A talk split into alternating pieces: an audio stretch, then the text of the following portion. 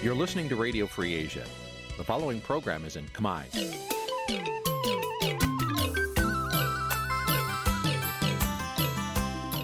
នេះជាកម្មវិធីផ្សាយ Vuthu Azizi Serai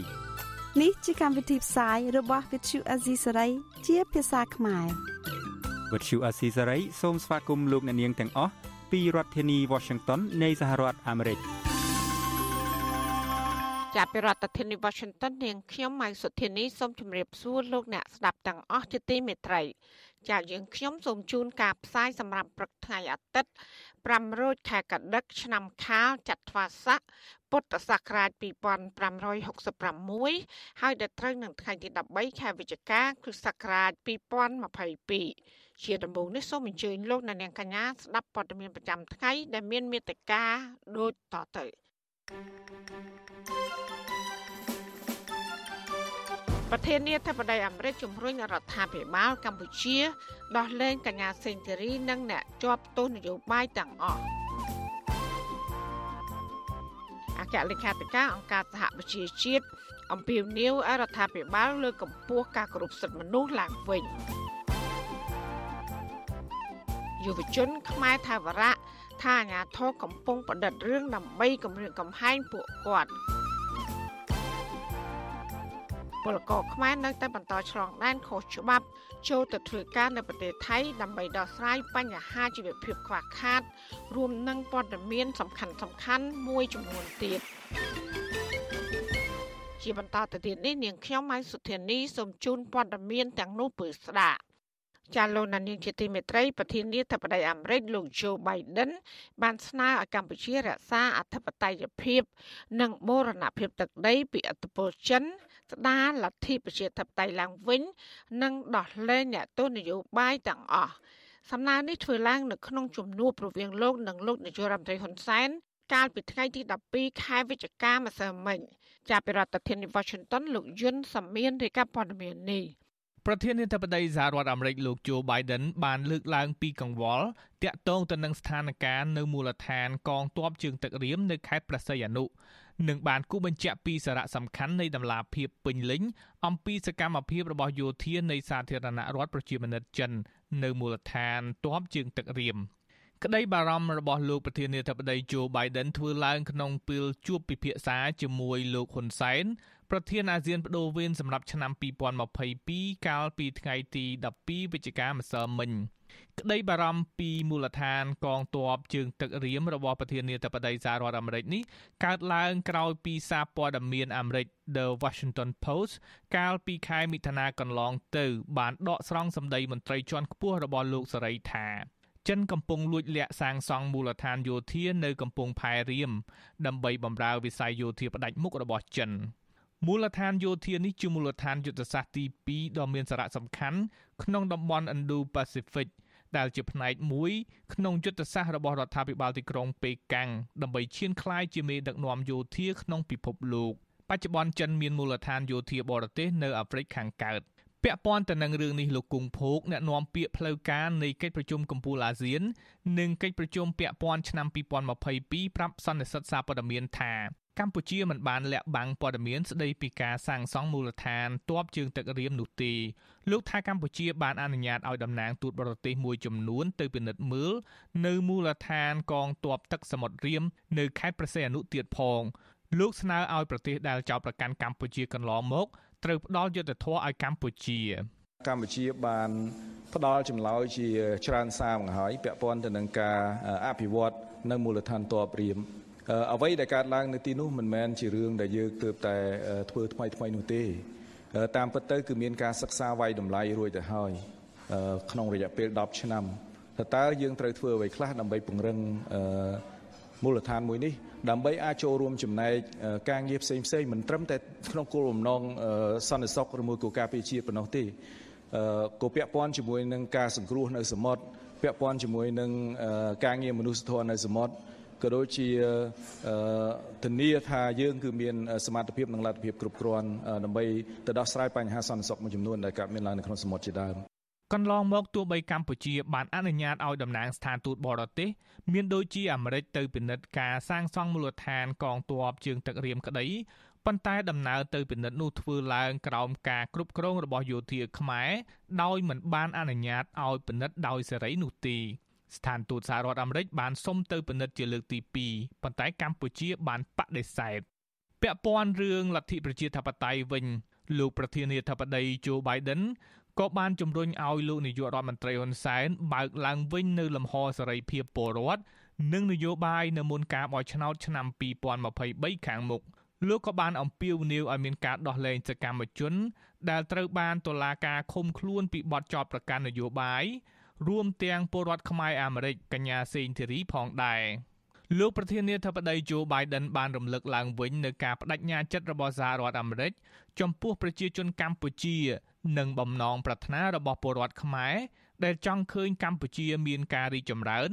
លទ្ធិប្រជាធិបតេយ្យនិងឯករាជ្យក្នុងជំនួបដដែលនោះលោកប្រធានាធិបតី Joe Biden ក៏បានពិភាក្សាអំពីវិបត្តិនៅក្នុងប្រទេសភូមានិងការឆ្លើយតបរបស់អាស៊ាន ដោយគូសបញ្ជាក់ថាសហគមន៍អន្តរជាតិមានតួនាទីសំខាន់ក្នុងការលើកកម្ពស់ការវិលត្រឡប់ទៅរកលទ្ធិប្រជាធិបតេយ្យនិងស្ថិរភាពនៅក្នុងប្រទេសភូមា ហើយអាមេរិកគាំទ្រចំពោះការឯកភាព5ចំណុចរបស់អាស៊ាន ស្ដីពីវិបត្តិភូមាដោយឡែកនៅក្នុងកិច្ចប្រជុំអាស៊ានអាមេរិកវិញប្រធានាធិបតីសហរដ្ឋអាមេរិកលោកโจ Biden ក៏បានបញ្ជាក់ពីសារៈសំខាន់នៃទំនាក់ទំនងភាពជាដៃគូរវាងសហរដ្ឋអាមេរិកនិងអាស៊ានដែលជាយុទ្ធសាស្ត្ររបស់រដ្ឋាភិបាលអាមេរិកនិងតំបន់ Indo-Pacific ដែលជាជំហានសំខាន់ដើម្បីកសាងនិងអភិវឌ្ឍនៅក្នុងប្រទេសជាសមាជិកអាស៊ាន Together we will tackle the biggest issues of our time from climate to health security យើងរួបរวมគ្នាដោះស្រាយបញ្ហាដ៏សំខាន់បំផុតក្នុងយុគសម័យរបស់យើងចាប់ពីការប្រែប្រួលអាកាសធាតុរហូតដល់សន្តិសុខសុខភាពការពៀប្រឆាំងនឹងការគម្រាមកំហែងសំខាន់សំខាន់នៃសន្តិភាពដែលផ្អែកទៅលើច្បាប់ការគម្រាមកំហែងដល់នីតិរដ្ឋដើម្បីកសាងឥណ្ឌូប៉ាស៊ីហ្វិកដែលមានលក្ខណៈសេរីនិងបើកលំហស្ថិរភាពវិបុលភាពនិងសុវត្ថិភាពលោកបន្តថាសហរដ្ឋអាមេរិកកំពុងដាក់ធនធានពិតប្រាកដ នៅពីក្រោយវិធីសាស្ត្រថ្មីថ្មីគឺមិនមែនគ្រាន់តែជាការបញ្ចេញវោហារសាស្ត្រចោលនោះទេ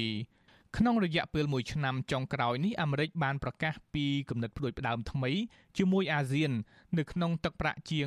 250លានដុល្លារហើយសម្រាប់ឆ្នាំ2023ខាងមុខនេះលោកជូ Biden នឹងស្នើផ្ដល់ជំនួយចំនួន825លានដុល្លារសម្រាប់តំបន់អាស៊ីអាគ្នេយ៍លោកថាសហរដ្ឋអាមេរិកបន្តកសាងនៅវឌ្ឍនភាព ដោយធ្វើតាមការបដិញ្ញាចិត្តនិងដាក់ចេញនៅគំនិតផ្ដួចផ្ដើមថ្មីថ្មីជាក់ស្ដែងដើម្បីពង្រឹងអាស៊ាន និងបង្កើនការតភ្ជាប់នៅទូទាំងតំបន់អាស៊ីអាគ្នេយ៍លោកโจ Biden នឹងចាកចេញពីកម្ពុជា នៅថ្ងៃទី20ខែវិច្ឆិកានេះទៅចូលរួមវេទិកាសេដ្ឋកិច្ច G20 នៅប្រទេសឥណ្ឌូនេស៊ីខ្ញុំយុនសាមៀនវិទ្យុអាស៊ីសេរីប្រធានាធិបតី Washington ចាលោកអ្នកនាងកញ្ញាកំពុងស្ដាប់ការផ្សាយរបស់វិទ្យុអាស៊ីសេរីផ្សាយចេញពីរដ្ឋធានី Washington ក្រមប្រជាប្រដ្ឋរងគ្រោះនាំគ្នាចេញតវ៉ានិងផ្ញើសារទៅមេដឹកនាំអាស៊ាន និងមេដឹកនាំប្រទេសប្រជាធិបតេយ្យផ្សេងផ្សេងជាពិសេសគឺប្រធានាធិបតីអាមេរិកលោក Joe Biden ឲ្យជួយដោះស្រាយបញ្ហាទុកកង្វល់របស់ពួកគាត់រួមមានការរដ្ឋបិទស្ត្រីភាព ដោះលែងអ្នកជាប់ឃុំនយោបាយដែលឥតលក្ខខណ្ឌព្រមទាំងបើកលំហប្រជាធិបតេយ្យឡើងវិញ។តើមន្ត្រីរដ្ឋាភិបាលយកឃើញដោយម្ដេចចំពោះការចង់បានរបស់ប្រជាពលរដ្ឋរងគ្រោះទាំងនោះចាសសេចក្តីរាយការណ៍ពីស្ដាមពីរឿងនេះលោកណានៀងនឹងបានស្ដាប់នាពេលបន្តិចទៀតនេះ ចាលោកណានៀងជាទីមេត្រីវិទ្យុអសីស្រីផ្សាយតាមរលកធាតុអាកាសខ្លីឬ short wave តាមកម្រិតនិងកម្ពស់ដូចតទៅចាប់ពេលព្រឹកចាប់ពីម៉ោង5កន្លះដល់ម៉ោង6កន្លះតាមរយៈរលកធាតុអាកាសខ្លី9390 kHz ស្មើនឹងកម្ពស់ 32m និង11850 kHz ស្មើនឹងកម្ពស់ 25m ចាសម្រាប់ពេលយប់ចាប់ពីម៉ោង7កន្លះដល់ម៉ោង8កន្លះគឺតាមរយៈរលកថេដាកាខ្លី9390 kHz ស្មើនឹងកម្ពស់ 32m 15155 kHz ស្មើនឹងកម្ពស់ 20m និង11885 kHz ស្មើនឹងកម្ពស់ 20m ចាសសូមអរគុណ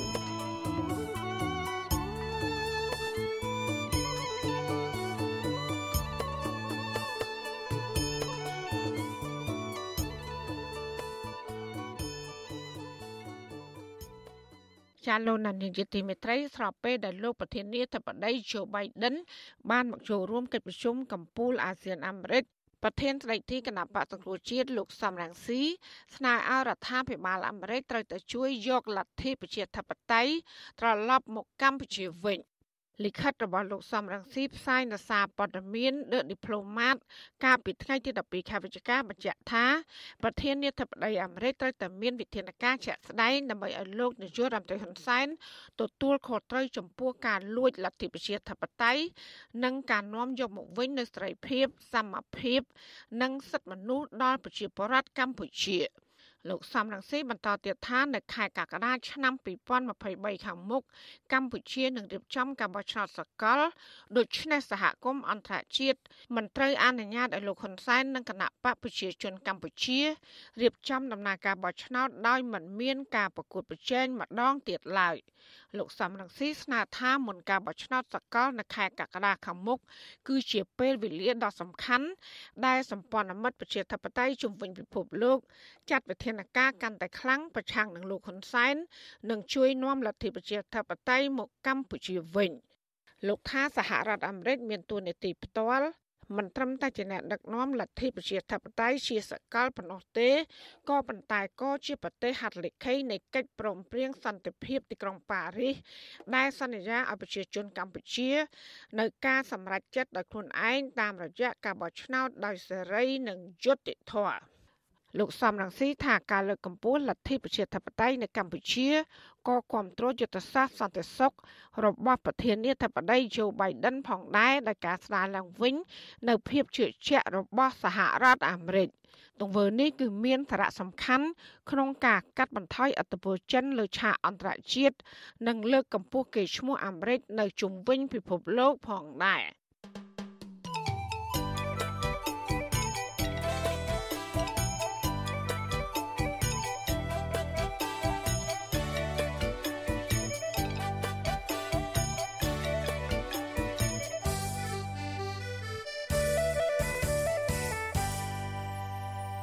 ចាលោកនានីយតិមេត្រីពាក់ព័ន្ធនឹងស្ថានភាពសិទ្ធិមនុស្សនិងលទ្ធិប្រជាធិបតេយ្យនៅកម្ពុជានេះដែរអគ្គលេខាធិការអង្គការសហប្រជាជាតិអំពាវនាវឲ្យរដ្ឋាភិបាលកម្ពុជាលើកកម្ពស់ការគោរពសិទ្ធិមនុស្សឡើងវិញការអំពាវនាវបែបនេះគឺធ្វើឡើងនៅក្នុងសន្និសីទកាសែតក្រោយកិច្ចប្រជុំអាស៊ានអង្គការសហប្រជាជាតិកាលពីថ្ងៃទី11ខែវិច្ឆិកាចា មន្ត្រីសង្គមស៊ីវិលគ្រប់គ្រងរដ្ឋាភិបាល ធ្វើតាមការពិនិត្យរបស់អគ្គលេខាធិការអង្គការសហប្រជាជាតិដើម្បីលើកកម្ពស់កិត្តិយសប្រទេសជាតិលើឆាកអន្តរជាតិនិងទទួលបានផលប្រយោជន៍សេដ្ឋកិច្ចពីបណ្ដាប្រទេសប្រជាធិបតេយ្យ អគ្គលេខាធិការអង្គការសហប្រជាជាតិលោក Antonio Guterres ដែលបានមកចូលរួមកិច្ចប្រជុំកម្ពុជារវាងអាស៊ាន និងអង្គការសហប្រជាជាតិអំពាវនាវដល់រដ្ឋាភិបាលកម្ពុជា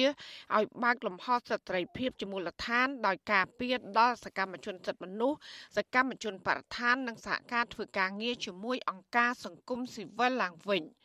ថ្លែងក្នុងសន្និសីទសារព័ត៌មាន នៅថ្ងៃទី12ខែវិច្ឆិកាអគ្គលេខាធិការអង្គការសហប្រជាជាតិលោក Antonio Guterres លើកឡើងថាបើទោះបីជាសិទ្ធិមនុស្សត្រូវបានគេផ្ដល់តម្លៃផ្សេងគ្នាទៅតាមតំបន់ប៉ុន្តែចំណុចសំខាន់ក្នុងការគោរពសិទ្ធិមនុស្សពេញលេញចាំបាច់ត្រូវតែរួមបញ្ចូលទាំងសិទ្ធិសេដ្ឋកិច្ចសិទ្ធិសង្គមសិទ្ធិវប្បធម៌សិទ្ធិនយោបាយនិងសិទ្ធិរបស់ពលរដ្ឋលោកក៏បានបញ្ជាក់ថាលោកបានពៀវនាវឲ្យរដ្ឋាភិបាលកម្ពុជា លើកកម្ពស់ការគោរពសិទ្ធិមនុស្សនិងបើកចំហសិទ្ធិភាពអង្គការសង្គមស៊ីវិលឡើងវិញ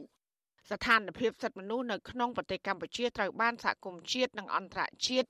វាយតម្លៃថាកំពុងធ្លាក់ចុះដុនដាបជាខ្លាំងករណីរំលោភសិទ្ធិមនុស្សមួយដែលលេចធ្លោដែរនោះគឺការចាប់ខ្លួនអ្នកជំនាញច្បាប់និងកិច្ចការអន្តរជាតិនិងជាសកម្មជនសិទ្ធិមនុស្សកញ្ញាសេងធីរី ករណីកញ្ញាសេងធារីនេះក្រុមមេធាវីអន្តរជាតិដែលមានទីតាំងនៅទីក្រុង Washington DC នៃសហរដ្ឋអាមេរិកបានដាក់ញត្តិមួយទៅកាន់ក្រុមការងារឃុំខ្លួនដោយរំលោភបំពានរបស់អង្គការសហប្រជាជាតិកាលពីថ្ងៃទី10ខែវិច្ឆិកាដើម្បីស្នើសុំឲ្យអង្គការសហប្រជាជាតិជំរុញរដ្ឋាភិបាលកម្ពុជាដោះលែងកញ្ញាសេងធារីឲ្យមានសេរីភាពឡើងវិញ។ មេធាវីអន្តរជាតិលោក Jared Genser លើកឡើងនៅក្នុងញត្តិនេះថាការឃុំខ្លួនរបស់កញ្ញាសេងធារីគឺធ្វើឡើងដោយរំលោភបំពានសិទ្ធិមនុស្ស ដែលត្រូវបានទទួលស្គាល់ជាសកលពីព្រោះតាមរយៈបទចោទដែលតុលាការកម្ពុជាបានចោទប្រកាន់កញ្ញាសេងធារីគឺมันបានផ្អែកទៅលើច្បាប់ត្រឹមត្រូវនោះឡើយហើយសកម្មភាពរបស់កញ្ញាសេងធារីធ្វើឡើងកន្លងមក គឺស្របទៅតាមសិទ្ធិសេរីភាពនៃការបញ្ចេញមតិនិងសិទ្ធិមនុស្សជាមូលដ្ឋានផ្សេងៗទៀតតែប៉ុណ្ណោះ អ្នកជំនាញច្បាប់និងកិច្ចការអន្តរជាតិដែលមានសញ្ជាតិខ្មែរនិងអាមេរិកាំងកញ្ញាសេនធីរីត្រូវបានសមត្ថកិច្ចចាប់ខ្លួនកាលពីថ្ងៃទី14ខែមិថុនាក្រោយដែលតុលាការបានប្រកាសសាលក្រមកាត់ទោសឲ្យកញ្ញាជាប់ពន្ធនាគារ6ឆ្នាំ ពីបទចោទរួមគំនិតក្បត់ក្នុងសំណុំរឿងវិលជុលស្រុកវិញ របស់លោកសំរងស៊ីកាលពីឆ្នាំ2019បច្ចុប្បន្នកញ្ញាកំពុងធ្វើកតកម្មបង្អត់អាហារនៅពន្ធនាគារខេត្តព្រះវិហារ ជាមួយគ្នានេះសកម្មជនខ្មែរថៅវរៈ6នាក់ក៏កំពុងចូលរួមធ្វើកតកម្មបង្អត់អាហារនៅទីលានប្រជាធិបតេយ្យក្នុងរាជធានីភ្នំពេញដើម្បីទាមទារឲ្យរដ្ឋាភិបាលដោះលែងកញ្ញាសេងធារីដោយឥតលក្ខខណ្ឌផងដែរវត្ថុអសីស្រីមិនអាចតាក់ទងแนะនាំពាក្យរដ្ឋាភិបាលលោកផៃស៊ីផានដើម្បីបកស្រាយបានទេនៅថ្ងៃទី12ខែវិច្ឆិកាដោយសារទូរស័ព្ទហៅចូលតែពុំមានអ្នកទទួល ជុំវិញរឿងនេះនាយកទទួលបន្ទុកកិច្ចការទូតនៃអង្គការលីកាដូលោកអំសំអាតយល់ឃើញថារដ្ឋាភិបាលកម្ពុជា គួរទទួលយកការពៀវនាវរបស់អគ្គលេខាធិការអង្គការសហប្រជាជាតិហើយលើកកម្ពស់ការគោរពសិទ្ធិមនុស្សឡើងវិញ ដើម្បីស្ដារមុខមាត់រដ្ឋាភិបាលកម្ពុជានៅលើឆាកអន្តរជាតិនិងទទួលបានផលប្រយោជន៍ពីការអនុគ្រោះពន្ធពីសហគមន៍អន្តរជាតិ បើសិនជារដ្ឋាភិបាលកម្ពុជាយើងមានការកែលម្អទៅលើបញ្ហាសិទ្ធិមនុស្សជាងកម្ពុជាយើងនឹងអាចទទួលផលចំណេញច្រើនជាជាងការខាត់បងដោយ ពីមុនមកយើងឃើញសហគមន៍អឺរ៉ុបដែលដកអនុគ្រោះពន្ធ EBA 20%ដោយសារតែបញ្ហាចម្រូងចម្រាសរឿងសិទ្ធិមនុស្សនិងលទ្ធិជាតិបតៃនិងឥឡូវ GSP ក៏មិនទាន់មានការបន្តអញ្ចឹងបើសិនជាកម្ពុជាយើងពិនិត្យមើលលើចំណុចខ្វះខាតហើយធ្វើការកែលម្អខ្ញុំគិតថាវាជារឿងមួយដែលផលចំណេញហើយល្អប្រសើរសម្រាប់កម្ពុជាផងដែរ ការលើកឡើងរបស់អគ្គលេខាធិការអង្គការសហប្រជាជាតិនេះគឺមិនខុសគ្នាពីរបាយការណ៍របស់អ្នករាយការណ៍ពិសេសអង្គការសហប្រជាជាតិប្រចាំនៅកម្ពុជាលោកវិទិតមុនតបួនកាលពីចុងខែសីហាកន្លងទៅនោះទេដោយការនោះអ្នករាយការណ៍រូបនេះក៏បានស្នើដល់រដ្ឋាភិបាលកម្ពុជាឲ្យពន្លឿនកំណែទម្រង់ប្រព័ន្ធតុលាការដើម្បីការពារសិទ្ធិសេរីភាពបរិវត្តនិងត្រូវដោះលែងសកម្មជនគណបកនយោបាយដែលកំពុងជាប់ឃុំទាំងអស់ឲ្យមានសេរីភាពឡើងវិញដោយឥតលក្ខខណ្ឌបន្ថែមពីលើនោះលោកវិទិតមុនតាបូនក៏បានជំរុញអរដ្ឋាភិបាលកម្ពុជាបើកលំហសេរីភាពសង្គមស៊ីវិលនិងនយោបាយក្នុងនោះរាប់បញ្ចូលទាំងការលុបចោលនិងការកែតម្រង់ច្បាប់នានាដែលរដ្ឋបတ်សិទ្ធិសេរីភាពបរដ្ឋនិងបញ្ឈប់នៅការធ្វើទុកបុកម្នេញលើគណៈបពប្រឆាំងក្រុមអ្នកការពារសិទ្ធិមនុស្សនិងក្រុមអ្នកពាក់ព័ន្ធដទៃទៀតផងដែរ។ អ្នកវិភាគនយោបាយចាស់ភាសាលោកបណ្ឌិតឡើងម៉ុងហៃយល់ឃើញថាលោកនាយករដ្ឋមន្ត្រីហ៊ុនសែនអាចនឹងពិបាកបដិសេធបើសិនជាលោកចង់បានឈ្មោះល្អលើឆាកអន្តរជាតិគណៈអគ្គលេខាធិការអង្គការសហប្រជាជាតិដែលមកដល់ប្រទេសកម្ពុជាហើយធ្វើអន្តរាគមន៍សូមឲ្យបញ្ឈប់ការដាក់ទោសទណ្ឌទៅលើអ្នកប្រាស្រ័យសិទ្ធិដោយផ្ទាល់បែបនេះដែលឡែកចំពោះករណីកញ្ញាសេងធារីវិញលោកបណ្ឌិតយថារដ្ឋាភិបាលកម្ពុជាអាចនឹងពិចារណាដោះលែងឲ្យមានសេរីភាពឡើងវិញបើសិនជារដ្ឋាភិបាលអាមេរិកអន្តរាគមស្នើសុំឲ្យដោះលែងជាថ្នូរនឹងការជួយសម្របសម្រួលណាមួយ ហើយករណីនេះគឺស្តៀងគ្នាទៅនឹងករណីដោះលែងលោកមុំសុណងដូនិងលោកហុងសុខហួរសមាជិកប្រតិភិគណៈបកភ្លើងទៀនកាលពីពេលកន្លងមក ដោយការនោះមានរដ្ឋាភិបាលបារាំងធ្វើអន្តរាគមន៍ ជាមួយគ្នានេះបណ្ឌិតឡើងបង្ហាញមានសុតិធិនិយមថាប្រមុខរដ្ឋាភិបាលកម្ពុជានឹងអាចបើកលំហប្រជាធិបតេយ្យជាធ្នូនឹងការជួបប្រជុំទ្វេភាគីជាមួយប្រធានាធិបតីអាមេរិកលោក Joe Biden រដ្ឋាភិបាលកម្ពុជាត្រូវបានអង្គការជាតិអន្តរជាតិនិងអង្គការសហប្រជាជាតិរកឃើញថាបានរំលោភសិទ្ធិមនុស្សកាន់តែធ្ងន់ធ្ងរចាប់តាំងពីបានរំលាយគណៈបកសង្គ្រោះជាតិកាលពីឆ្នាំ2017មក ទោះយ៉ាងណារដ្ឋាភិបាលកម្ពុជា តែងតែទាត់ចោលសេចក្តីរាយការណ៍និងលទ្ធផលនៃការស្វែងរកការពិតរបស់ក្រុមអ្នករាយការណ៍ពិសេសរបស់អង្គការសហប្រជាជាតិមន្ត្រីឃ្លាំមើលសិទ្ធិមនុស្សអន្តរជាតិនិងមន្ត្រីរបស់គណៈកម្មការរផង អំពីការរំលោភសិទ្ធិមនុស្សនិងការបំផ្លាញប្រជាធិបតេយ្យនៅកម្ពុជា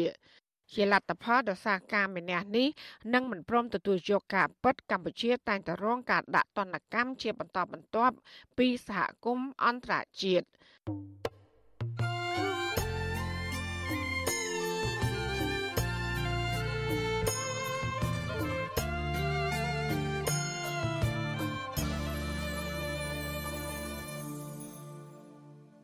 ចាលោកអ្នកស្ដាប់ទទីមេត្រីបណ្ដាញអង្គការសង្គមស៊ីវិលចំនួន36បានចេញលិខិតរួមគ្នាទៅកាន់ប្រមុខដឹកនាំរដ្ឋនិងរដ្ឋាភិបាលបរទេស ដែលបានមកចូលរួមក្នុងកិច្ចប្រជុំកំពូលអាស៊ាន និងកិច្ចប្រជុំកំពូលនៃក្រុមប្រទេសសេដ្ឋកិច្ចធំធំទាំង20ហៅកាត់ថា G20 នៅក្នុងខែវិច្ឆិកានេះដើម្បីស្នើសុំអន្តរាគមន៍បញ្ចប់ការដឹកនាំបែបផ្ដាច់ការរបស់លោកហ៊ុនសែននិងរៀបចំការបោះឆ្នោតដោយសេរីនិងយុត្តិធម៌នៅកម្ពុជាបណ្ដាញអង្គការសង្គមសង្វើទាំងនោះសុទ្ធសឹងតែមានមូលដ្ឋាននៅប្រទេសប្រជាធិបតេយ្យរួមមាន សហរដ្ឋអាមេរិកកាណាដាបារាំងអូស្ត្រាលី និងនូវែលសេឡង់ សំណើពួកគេនេះគឺផ្ញើជូនមេដឹកនាំប្រទេសធំធំ ដូចជាប្រធានាធិបតីអាមេរិកលោក Joe Biden ប្រធានាធិបតីឥណ្ឌូនេស៊ីលោក Joko Widodo ដែលនឹងក្លាយជាប្រធានបដូវវេនអាស៊ាននៅឆ្នាំក្រោយ ក្រុមមេដឹកនាំអាស៊ាន មេដឹកនាំសហភាពអឺរ៉ុបនិងផ្ញើជូនមេដឹកនាំនៃប្រទេសមួយចំនួនទៀត។បើតាមលិខិតដែលវិទ្យុអសីស្រីទទួលបានបណ្ដាញអង្គការសង្គមស៊ីវិលទាំងនោះជំរុញដល់ក្រុមមេដឹកនាំបរទេសឲ្យដាក់សម្ពាធលើរដ្ឋាភិបាលលោកហ៊ុនសែនឲ្យបញ្ឈប់ការធ្វើទុកបុកម្នេញតាមផ្លូវតុលាការ និងដោះលែងអ្នកទោសនយោបាយនិងអ្នកទោសមនសិការឲ្យមានសេរីភាពឡើងវិញ។ ពួកគេក៏បានទាមទារឲ្យរដ្ឋាភិបាលលោកហ៊ុនសែនបញ្ឈប់ការគៀបសង្កត់លើសិទ្ធិសេរីភាពរបស់ពលរដ្ឋនិងសង្គមស៊ីវិលព្រមទាំងរៀបចំការបោះឆ្នោតដោយសេរីនិងយុត្តិធម៌នៅឆ្នាំ2023ខាងមុខ បណ្ដាញអង្គការសង្គមស៊ីវិលក៏ជំរុញឲ្យក្រុមមេដឹកនាំបរទេសប្រើប្រាស់យន្តការជំនួយនិងច្បាប់អន្តរជាតិដើម្បីដាក់សម្ពាធលើរដ្ឋាភិបាលលោកហ៊ុនសែនឲ្យកែលម្អស្ថានភាពសិទ្ធិមនុស្សនិងប្រជាធិបតេយ្យឡើងវិញ ហើយបើគ្មានការកែលម្អស្ថានភាពនោះទេ ពួកគេទទូចដល់មេដឹកនាំបរទេសគុំទទួលស្គាល់លទ្ធផលបោះឆ្នោតដែលលោកហ៊ុនសែនរៀបចំនៅឆ្នាំក្រោយនេះជាដាច់ខាត។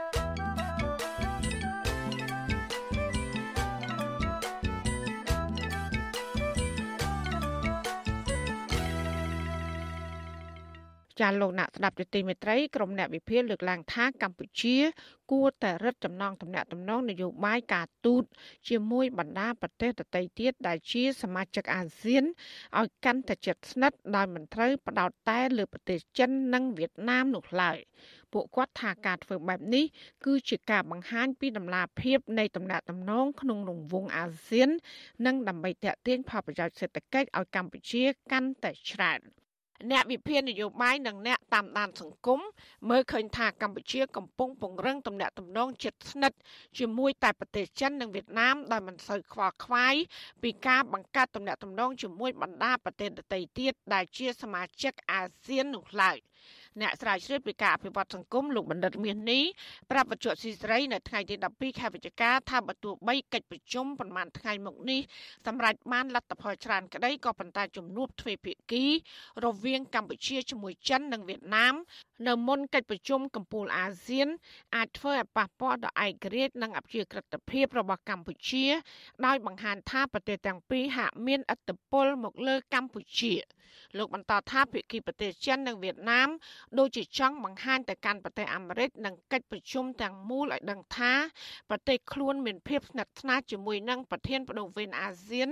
តាមរយៈការសម្រេចបាននូវកិច្ចព្រមព្រៀងនិងការពង្រឹងកិច្ចសហប្រតិបត្តិការនានា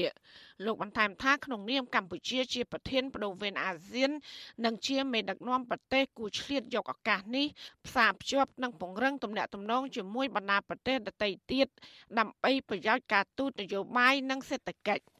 នៅក្នុងពេលខាងមុខឆ្នាំខាងមុខខាងមុខគឺជំហរសំខាន់របស់កម្ពុជាហ្នឹងគឺមានតែធ្វើម៉េចឲ្យទីខ្លួនឯងឲ្យมันនៅជាកណ្ដាលមួយដែលអាចឲ្យមានយើងហៅថាមានកលភាពនៃការតាក់ទងគ្នាពីការទូតរវាងអាមេរិកហើយនិងចិនដែលបានស្មើគ្នាព្រោះយើងដឹងហើយថាសេដ្ឋកិច្ចរបស់ចិនកម្ពុជាហើយនិងអាមេរិកនេះគឺមិនអាចកាត់ផ្ដាច់គ្នាបានទេ ក្នុងកិច្ចប្រជុំកម្ពុជាអាស៊ានកម្ពុជាជាប្រធានបដូវវេនដែលធ្វើជាម្ចាស់ផ្ទះមានបណ្ដាប្រទេសជាសមាជិកនិងមេដឹកនាំប្រទេសពាក់ព័ន្ធបានមកចូលរួមនៅរាជធានីភ្នំពេញក្នុងនោះប្រមុខដឹកនាំរដ្ឋាភិបាលកម្ពុជា បានជួបពិភាក្សាទ្វេភាគីជាមួយប្រទេសសមាជិកមួយចំនួន ដូចជាចិនវៀតណាម ថៃឡាវនិងគូចំនួនអឺរ៉ុបខាងកើតដូចជាអ៊ុយក្រែនជាដើម ប៉ុន្តែជំនួបទ្វេភាគីដែលកម្ពុជាផ្ដោតសារៈសំខាន់ជាងគេនោះគឺសមមិត្តដាច់ថៃចិននិងមហាមិត្តម៉ឺនឆ្នាំវៀតណាមដែលបានបើកកិច្ចចរចាមុនកិច្ចប្រជុំកម្ពុជាអាស៊ាន ក្នុងជំនួបទ្វេភាគីកម្ពុជាវៀតណាមលោកនាយករដ្ឋមន្ត្រីហ៊ុនសែននិងនាយករដ្ឋមន្ត្រីវៀតណាមលោកផាំមិនជិញកាលពីថ្ងៃទី8ខែវិច្ឆិកានៅមុនកិច្ចប្រជុំកម្ពុជាអាស៊ានបានចុះហត្ថលេខាលើឯកសារសំខាន់សំខាន់11ចំណុចដូចជាអនុសារណៈយោគយល់សម្រាប់ការដឹកជញ្ជូនតាមផ្លូវគោកកិច្ចព្រមព្រៀងពាណិជ្ជកម្មនិងកសិកម្មកិច្ចសហប្រតិបត្តិការវិទ្យុទូរទស្សន៍ទូរគមនាគមន៍និងបច្ចេកវិទ្យា ចំណែកឯកិច្ចពិភាក្សាទ្វេភាគីកម្ពុជានិងចិនវិញលោកនាយករដ្ឋមន្ត្រីហ៊ុនសែននិងនាយករដ្ឋមន្ត្រីចិនលោកលឺខេឈៀងកាលពីថ្ងៃទី9ខែវិច្ឆិកាបានចុះហត្ថលេខាលើឯកសារសំខាន់សំខាន់ចំនួន18ដូចជាកិច្ចព្រមព្រៀងសេដ្ឋកិច្ចនិងហិរញ្ញវត្ថុ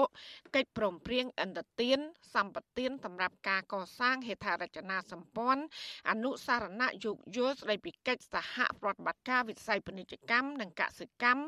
និងអនុសារណៈយោគយល់ស្ដីពីការបញ្ចូលកម្មវិធីរៀនភាសាចិន នៅតាមគ្រឹះស្ថានមធ្យមសិក្សាសាធារណៈនៅកម្ពុជាជាដើម ប៉ុន្តែជំនួបទាំងនោះត្រូវបានអ្នកជំនាញផ្នែកភូមិសាស្ត្រនយោបាយយល់ថាចិនទំនងជាព្យាយាមបញ្ចុះបញ្ចូលមេដឹកនាំកម្ពុជារឿងសមុទ្រចិនខាងត្បូងតែប៉ុណ្ណោះខណៈវៀតណាមចង់បង្ហាញទៅកាន់អាស៊ានទាំងមូល ថាខ្លួននៅមានអធិបុលមកលើកម្ពុជាទោះបីកម្ពុជា កំពុងមានតំណែងជាប្រធានអាស៊ានបដូវវេននោះក្តី វត្ថុអសីស្រីមិនអាចតតងប្រធានអ្នកនាំពាក្យរដ្ឋាភិបាលលោកផៃស៊ីផាន និងមន្ត្រីខុទ្ទកាល័យនាយករដ្ឋមន្ត្រីលោកគង់ចម្រើន ដើម្បីសុំអត្ថាធិប្បាយជុំវិញដំណើរការនៃកិច្ចប្រជុំកំពូលអាស៊ានបានទេ នៅថ្ងៃទី12ខែវិច្ឆិកាតើតិននឹងរឿងនេះអ្នកវិភាគនយោបាយលោកកឹមសុខយល់ឃើញថាកិច្ចប្រជុំកំពូលអាស៊ាន និងកិច្ចប្រជុំពាក់ព័ន្ធនានាបានផ្ដល់ផលប្រយោជន៍ច្រើនណាស់ដល់ប្រទេសកម្ពុជា លោកថាតាមរយៈកិច្ចប្រជុំនេះនឹងធ្វើឲ្យពិភពលោកស្គាល់កម្ពុជាកាន់តែច្រើន និងបង្កើតលទ្ធភាពឲ្យអ្នកជំនាញឯកទេសបច្ចេកវិទ្យាវិស័យអប់រំនានាហូរចូលមកកម្ពុជាកាន់តែច្រើន។ ហើយដើម្បីឲ្យកម្ពុជាទាញបានផលប្រយោជន៍ធំពីអាស៊ាននិងដៃគូរបស់អាស៊ានក្នុងពេលបច្ចុប្បន្នលុះត្រាណាតែទី1ក្រមលោកហ៊ុនសែនស្ដារលទ្ធិប្រជាធិបតេយ្យកម្ពុជាឡើងវិញឲ្យស្របទៅនឹងបំណងប្រាថ្នារបស់ប្រជាពលរដ្ឋខ្មែរស្របគោលការណ៍ដើមរបស់អាស៊ានដែលបង្កើតឡើងដើម្បីពង្រីកសក្តានុពលប្រជាធិបតេយ្យនិងស្របស្ថានភាពពិភពលោកបច្ចុប្បន្ននៃបច្ចិមប្រទេសហើយទី2ក្រមលោកហ៊ុនសែនត្រូវលៀងខ្លួនឲ្យជ្រះពីការជ្រៀតចូលរបស់មហាអំណាចខាងក្រៅជាពិសេសការសង្ស័យអំពីលទ្ធភាពនៃមូលដ្ឋានកងទ័ពចិននៅលើទឹកដីកម្ពុជាជាដើម កិច្ចប្រជុំអាស៊ាននៅរាជធានីភ្នំពេញបានចាប់ផ្ដើមចាប់ពីថ្ងៃទី8ដល់ថ្ងៃទី12ខែវិច្ឆិកាកម្ពុជា ក្នុងនាមជាប្រធានបដូវវេនអាស៊ាន បានសម្រេចលទ្ធផលរួមមាន ការសម្រេចបញ្ចូលប្រទេសទីម៉ូខាងកើតជាសមាជិកអាស៊ានទី11និងការទទួលប្រទេសអ៊ុយក្រែនជាសមាជិកទី50នៃមិត្តភាពនិងសហប្រតិបត្តិការតំបន់អាស៊ីអាគ្នេយ៍ហៅកាត់ថា TAC និងការផលិតនាឡិកាម៉ាអាស៊ានចំនួន25គ្រឿងដើម្បីចែកជូនដល់ប្រមុខមេដឹកនាំតាមបណ្ដាប្រទេសនានាដែលមកចូលរួមប្រជុំទោះយ៉ាងណាអ្នកតាមដានព្រឹត្តិការណ៍សង្គមមើលឃើញថាកម្ពុជា ក្នុងទួនាទីជាប្រធានបដូវវេនអាស៊ាន នៅមានចន្លោះប្រហោងមួយចំនួន ដូចជាការស្ដារប្រជាធិបតេយ្យការគោរពសិទ្ធិមនុស្សឡើងវិញ ការទប់ស្កាត់ការជួញដូរមនុស្សឆ្លងដែនបញ្ហាផលិតជួញដូរគ្រឿងញៀននិងការស្ដារបរិស្ថានបៃតងជាដើម នៅទន្ទឹមគ្នានេះនៅមានបញ្ហាខ្លះទៀតដែលកម្ពុជាបន្សល់ទុកឲ្យមេដឹកនាំអាស៊ានអាណត្តិក្រោយ ហើយដែលបញ្ហាទាំងនេះ គឺបណ្ដាលមកពីកម្ពុជា ខ្វះភាពឯករាជ្យនិងអព្យាក្រឹតភាពដើម្បីដោះស្រាយដូចជាបញ្ហាចំនួននៅសមុទ្រចិនខាងត្បូង និងវិបត្តិនៅភូមាឬមីយ៉ាន់ម៉ាជាដើម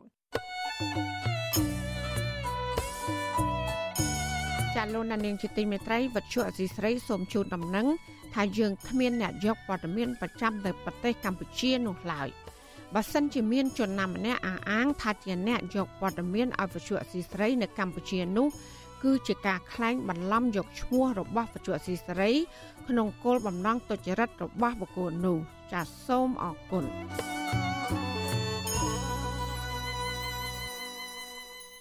ចាលោកអ្នកស្ដាប់ទទីមេត្រីអ្នកវិភាគនិងមន្ត្រីគណៈបកប្រឆាំងលើកឡើងថាកម្ពុជានឹងប្រឈមការបាត់បង់ឯករាជ្យភាពព្រមទាំងបាត់បង់ការទទួលបានផលប្រយោជន៍ពីប្រទេសសេរីដោយសារតែរដ្ឋាភិបាលលោកហ៊ុនសែនប្រឹងប្រែងបង្កើតទំនាក់ទំនងជាមួយប្រទេសចិនកុម្មុយនីសកាន់តែស៊ីជម្រៅ ប្រតិកម្មនេះធ្វើឡើងបន្ទាប់ពីរដ្ឋាភិបាលកម្ពុជានិងចិនបដិញ្ញារឹតចំណងមិត្តភាពដើម្បីកសាងជោគវាសនាប្រទេសទាំងពីររួមគ្នាចាលោកជាតិចំណានរាយការណ៍ព័ត៌មាននេះគ្រប់អ្នកតាមដានស្ថានភាពនយោបាយកម្ពុជាលើកឡើងថាការបង្ហាញជំហររបស់កម្ពុជាដែលលំអៀងទៅរកប្រទេសចិនកុម្មុយនីកាន់តែខ្លាំងក្នុងអំឡុងពេលកិច្ចប្រជុំកំពូលអាស៊ាននេះគឺដោយសារតែរដ្ឋាភិបាលលោកហ៊ុនសែនកំពុងជាប់អន្ទាក់នយោបាយរបស់ចិន ដែលទាមទារឲ្យកម្ពុជាគ្រប់គ្រងគោលនយោបាយចិនគ្រប់កលៈទេសៈមន្ត្រីជាន់ខ្ពស់គណៈបកសង្គ្រោះជាតិលោកអ៊ុំសំអានប្រាប់វិសុយអស៊ីសេរីនៅថ្ងៃទី12ខែវិច្ឆិកាថាជំហររបស់លោកហ៊ុនសែនបង្ហាញអំពីភក្តីភាពជាមួយចិនកាន់តែស្និទ្ធស្នាលបែបនេះកម្ពុជាអាចនឹងប្រឈមទៅនឹងការបាត់បង់អធិបតេយ្យជាតិលើពីនេះលោកសង្កត់ធ្ងន់ថាជំនួបទ្វេភាគីរបស់លោកហ៊ុនសែននិងលោកលីខឺឈៀងដោយពិភាក្សាទៅលើផ្នែកវិស័យយោធានៅកម្ពុជានោះអាមេរិកនឹងកាន់តែមានមន្ទិលសង្ស័យអំពីមូលដ្ឋានកងទ័ពចិននៅកម្ពុជា លោកយល់ថាក្នុងរបបនយោបាយបែបនេះកម្ពុជាអាចទទួលរងទណ្ឌកម្មសេដ្ឋកិច្ចនិងការផ្ដាច់ជំនួយនានាពីបណ្ដាប្រទេសលោកសេរីបន្ថែមទៀត។ កម្ពុជាកាន់តែអបកសោបចិនកម្ពុជានឹងក្លាយទៅជាគោលបំណងរបស់ចិនណាហើយចិនគេមិនដែលរស់ស៊ីខាតទេអ្វីដែលចិនឲ្យកម្ពុជាខ្ចីលុយអីហ្នឹងផ្ដល់ជំនួយដល់កម្ពុជាហ្នឹងរបៀបហត់ទឹកសម្លឹងកាក្រុមហ៊ុនរបស់ចិនហ្នឹងមកកើបយកធនធានធម្មជាតិរបស់កម្ពុជាបំផ្លិចបំផ្លាញធនធានធម្មជាតិរបស់កម្ពុជាដោយរ៉ែមាសរ៉ែដែកត្បូងព្រៃឈើព្រមទាំងធនធានធម្មជាតិដទៃទៀតរបស់កម្ពុជាប្រមូលយកទៅប្រទេសចិនណាលោកអ៊ុំសំអាតរិះគន់ថា ការពង្រឹងនូវកិច្ចប្រតិបត្តិការដៃគូយុទ្ធសាស្ត្រគ្រប់ជ្រុងជ្រោយរវាងរដ្ឋាភិបាលឯកបៈលោកហ៊ុនសែនជាមួយប្រទេសចិនកុម្មុយនីកម្ពុជាហាក់ពុំទទួលបានផលប្រយោជន៍ពីប្រទេសចិននោះឡើយផ្ទុយទៅវិញលោកហ៊ុនសែនដឹកនាំប្រទេសកាន់តែប្រះចាកកន្លងប្រជាធិបតេយ្យដោយសារតែរងសម្ពាធគោលនយោបាយចិនតាមរយៈការបង្ក្រាបសម្លេងអ្នកនយោបាយប្រឆាំងនិងអ្នករិះគន់រដ្ឋាភិបាលឥតឈប់ឈរព្រឹត្តិកម្មនេះធ្វើឡើងបន្ទាប់ពីភាគីកម្ពុជានិងចិនបានប្រកាសជាថ្មីទៀតចំពោះការបដិញ្ញាចិត្តបន្តរឹតចំណងមិត្តភាពយូរអង្វែង ដើម្បីកសាងជោគវាសនានៃប្រទេសទាំងពីរព្រមទាំងបង្កើននៃការពង្រឹងនូវកិច្ចប្រតិបត្តិការដៃគូយុទ្ធសាស្ត្រគ្រប់ជ្រុងជ្រោយរវាងកម្ពុជានិងចិនឲ្យកាន់តែស៊ីជម្រៅក្រោយជំនួបទ្វេភាគីរវាងលោកហ៊ុនសែននិងលោកលីខឺឈៀងក្រសួងការបរទេសកម្ពុជាកាលពីថ្ងៃទី11ខែវិច្ឆិកាបានចេញសេចក្តីប្រកាសរួមមួយថាភាគីកម្ពុជានិងចិនបានឯកភាពគ្នាក្នុងការពន្លឿនការកសាងជោគវាសនារួមគ្នាភាគីទាំងពីរក៏បានចុះហត្ថលេខាលើឯកសារចំនួន18រួមមានឯកសារផ្ដល់ជំនួយលើគម្រោងអភិវឌ្ឍមួយចំនួននៅកម្ពុជា ដូចជាផ្លូវថ្នល់សាលារៀនសេដ្ឋកិច្ចពាណិជ្ជកម្មនិងកសិកម្មជាដើមសេចក្តីប្រកាសរួមដដែលឲ្យដឹងថាភាគីចិននិងកម្ពុជាប្រើប្រាស់ឲ្យអស់សក្តានុពលនៃយន្តការផ្លាស់ប្ដូរនិងកិច្ចសហប្រតិបត្តិការយោធាដោយបង្កើនទំនាក់ទំនងរវាងស្ថាប័នការងារជាតិនិងយោធាគ្រប់កម្រិតនៃប្រទេសទាំងពីរតាមរយៈការបណ្ដុះបណ្ដាលការវឹកហាត់រួមគ្នាផ្ដល់បរិខាយោធាបច្ចេកទេសសេវាកម្មសុខាភិបាល និងផ្នែកសន្តិសុខពហុភាគី មុនកម្ពុជាបើកកិច្ចប្រជុំកំពូលអាស៊ានលោកលីខឺឈៀងបានធ្វើទស្សនកិច្ចទៅកម្ពុជាមុនពេលដែលមេដឹកនាំកំពូលកំពូលទាំងអស់ធ្វើដំណើរចូលរួមកិច្ចប្រជុំកំពូលអាស៊ាននិងកិច្ចប្រជុំពាក់ព័ន្ធការបញ្ជ្រាបអធិបតេយ្យរបស់ចិនមកលើរដ្ឋាភិបាលលោកហ៊ុនសែនតាមបែបជំនួបទ្វេភាគីនេះភាគច្រើនធ្វើឡើងនៅមុនមានកិច្ចប្រជុំក្របខ័ណ្ឌអាស៊ានឬកិច្ចប្រជុំកម្រិតលក្ខណៈអន្តរជាតិនានាដែលមានការចូលរួមពីបណ្ដាប្រទេសមហាអំណាចលោកសេរីខណៈដែលកម្ពុជាធ្វើជាប្រធានបដូវវេនអាស៊ានជាក់ស្ដែងចិន ក៏បានស្នើកម្ពុជាដាក់បញ្ចូលភាសាចិនក្នុងវិស័យអប់រំនៅកម្ពុជាផងដែរមិនតែប៉ុណ្ណោះក្នុងជំនួបទ្វេភាគីរវាងលោកហ៊ុនសែននិងលោកលីខឺឈៀងភាគីចិនក៏បានលើកយកបញ្ហាការបំបែកកោះតៃវ៉ាន់មកពិភាក្សាសេចក្តីប្រកាសរួមរបស់ក្រសួងការបរទេសកម្ពុជាបញ្ជាក់ថាកម្ពុជាប្រឆាំងរាល់សកម្មភាពដែលបំផ្លាញដល់អធិបតេយ្យភាពរបស់ចិននិងប្រឆាំងរាល់ទម្រង់នៃពួកបំបាយខ្លួនដើម្បីទាមទារឯករាជ្យភាពតៃវ៉ាន់គណៈអ្នកជំនាញប្រមានថាកម្ពុជាគួរតែរក្សាភាពស្ងៀមស្ងាត់ លើបញ្ហាកោះតៃវ៉ាន់នេះដើម្បីធានាអំពីគោលនយោបាយអភិជាក្រិតភាពកម្ពុជាតកតទៅនឹងរឿងនេះដែរអ្នកវិភាគនយោបាយលោកកឹមសុខមើលឃើញថាកម្ពុជាក្រោមការដឹកនាំដោយលោកហ៊ុនសែនកំពុងធ្វើឲ្យប្រជាជាតិជាប់អន្ទាក់នយោបាយចិនដកខ្លួនមិនរួចលើពីនេះលោកថាការប្រកាសរបស់ភាគីកម្ពុជានិងចិនក្នុងការពង្រឹងផ្នែកវិស័យយោធានៅកម្ពុជាជាជំហរបែបនេះនឹងធ្វើឲ្យកម្ពុជាប្រឈមការបាត់បង់ឯករាជ្យភាពដោយសារតែការជ្រៀតជ្រែកនយោបាយរបស់ប្រទេសចិន។ ប្រសិនបើប្រធានាធិបតីโจ Biden មិនលើកជំហរច្បាស់ច្បាស់របស់សហរដ្ឋអាមេរិកនៅចំពោះមុខលោកហ៊ុនសែនទេលោកហ៊ុនសែនបានដាយហើយពីព្រោះអ្វីអ្វីនៅក្នុងដៃចិនរួចទៅហើយចិនមានលុយចិនបង្ហូរលុយចូលរដ្ឋាភិបាលលោកហ៊ុនសែនចិនក្តោបនយោបាយមួយចំណែកធំនៅក្នុងតំបន់ភូមិសាស្ត្រអាស៊ីអាគ្នេយ៍និងនៅកម្ពុជាផងរដ្ឋាភិបាលលោកហ៊ុនសែនរងការចោទប្រកាន់ថាបានលួចចុះកិច្ចព្រមព្រៀងសម្ងាត់ជាមួយប្រទេសចិនកុម្មុយនីសដើម្បីអនុញ្ញាតឲ្យកងទ័ពចិន បោះទីតាំងឈរជើងនៅលើទឹកដីខ្មែរកិច្ចព្រមព្រៀងសម្ងាត់នោះបានអនុញ្ញាតឲ្យកងទ័ពចិនគ្រប់គ្រងកំពង់ផែទ័ពជើងទឹករៀមផ្ដាច់មុខរហូតដល់30ឆ្នាំហើយកិច្ចព្រមព្រៀងនេះអាចបន្តបានរៀងរាល់10ឆ្នាំម្ដងទោះបីជារដ្ឋាភិបាលកម្ពុជានិងចិនបានចេញមុខបដិសេធព័ត៌មាននេះជាហូរហែក្តីក៏របាយការណ៍ចុងក្រោយបង្ហាញថា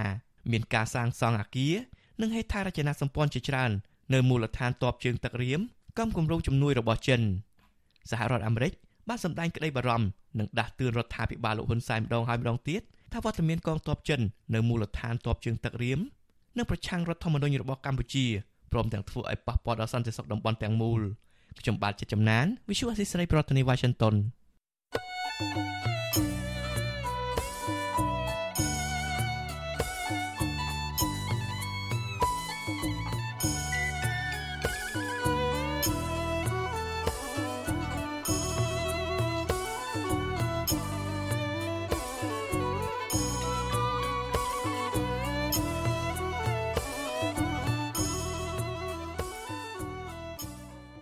ចាលោកណានៀងជាទីមេត្រីពីព្រំដែនប្រទេសថៃឯនោះវិញពលករខ្មែរមួយចំនួននៅតែឆ្លងដែនទាំងបថុយបឋាននិងខុសច្បាប់ចូលទៅរកការងារធ្វើនៅប្រទេសថៃពីព្រោះបញ្ហាជីវភាពខ្វះខាតចំពាក់បំណុលធនាគារធ្វើស្រែចម្ការបានផលតែគ្មានទីផ្សារនិងគ្មានការងារធ្វើក្នុងស្រុក ពួកគាត់ត្អូញត្អែថាមិនចង់ឃ្លាតឆ្ងាយពីស្រុកកំណើតមកធ្វើការខុសច្បាប់នៅក្នុងប្រទេសថៃនោះទេដោយសារតែប្រឈមនឹងប៉ូលីសថៃចាប់គ្រប់ពេលវេលាហើយការងារធ្វើក៏មិនទៀងទាត់ដែរចាលោកយ៉ងច័ន្ទរារាយការណ៍ព័ត៌មាននេះប្រជាពលរដ្ឋខ្មែរមួយចំនួននៅតែបន្តធ្វើចំណាក់ស្រុកទាំងគ្មានឯកសារត្រឹមត្រូវដើម្បីទៅរកការងារធ្វើនៅក្នុងប្រទេសថៃយកប្រាក់មកដោះបំណុលផ្គត់ផ្គង់គ្រួសារនិងចាយវាយប្រចាំថ្ងៃ។ ពលករមួយរូបលោកពេញលុញប្រាប់វិទ្យុអាស៊ីសេរីនៅថ្ងៃទី12ខែវិច្ឆិកាថាលោកនិងប្រពន្ធបានលួចឆ្លងដែនចូលមកធ្វើការងារក្នុងប្រទេសថៃបានជិត1ឆ្នាំមកហើយដោយសារតែនៅស្រុកកំណើតលោកធ្វើស្រែមិនបានផលរកការងារធ្វើគ្មាន និងជំពាក់បំណុលធនាគារថែមទៀតលោកបន្តថាការឆ្លងដែនចូលមកធ្វើការងារដោយខុសច្បាប់នៅប្រទេសថៃនេះប្រឈមនឹងគ្រោះថ្នាក់ក៏ប៉ុន្តែដោយសារតែកត្តាជីវភាព ទើបលោកបង្ខំចិត្តធ្វើបែបនេះលោកឲ្យដឹងថាពេលលោកឆ្លងដែនចូលមកប្រទេសថៃ មានពលករខ្មែររាប់រយនាក់ចូលមកដោយគ្មានឯកសារត្រឹមត្រូវទេ ហើយពួកគាត់បានដើរឆ្លងកាត់ព្រៃកាត់ស្ទឹងចូលមកប្រទេសថៃដែរ ដោយសារតែយើងវានោះវាអត់មានការងារធ្វើទុកយើងត្រូវតែមករកការងារធ្វើរករកប្រាក់ចំណូលព្រោះបើយើងនៅផ្ទះវាអត់មានការងារអីរកប្រាក់ចំណូលមិនបានវាយើងត្រូវការចំណាយទិញហូបចុករាល់ថ្ងៃនោះអាណាមួយយើងពាក់បំណុលគីផងបើយើងមិនមកធ្វើម៉េចបានប្រាក់សងបំណុលគីអញ្ចឹងយើងត្រូវតែមកស្រដៀងគ្នានេះដែរពលករម្នាក់ទៀតលោកស្រីរ៉េនបញ្ញាប្រាប់ថាលោកស្រីបានចូលមកប្រទេសថៃតាមផ្លូវកាត់ ដោយមានមេខ្យល់ជាអ្នកនាំផ្លូវហើយគេយកក្នុងម្នាក់3000បាតឬក៏ជិត100ដុល្លារលោកស្រីបន្តថា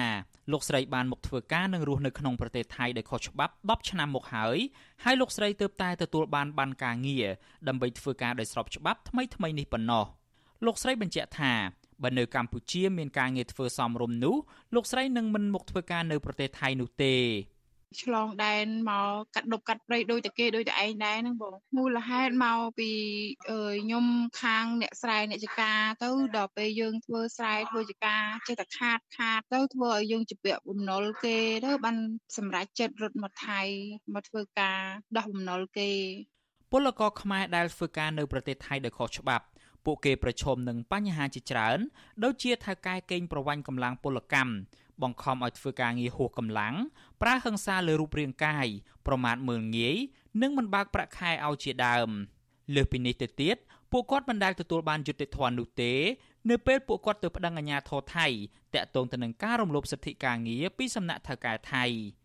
វិទ្យុអាស៊ីសេរីមិនអាចតាក់ទងសុំការអធិប្បាយជុំវិញបញ្ហានេះពីមន្ត្រីស្ថានទូតកម្ពុជាប្រចាំប្រទេសថៃ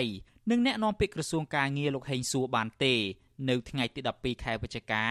ដោយទូរស័ព្ទហៅចូលជាច្រើនដងតែពុំមានអ្នកទទួលជុំវិញរឿងនេះមន្ត្រីគម្រោងនៃអង្គការសង្ត្រាល់ប្រចាំនៅប្រទេសថៃលោកលឹងសុផុនលើកឡើងថា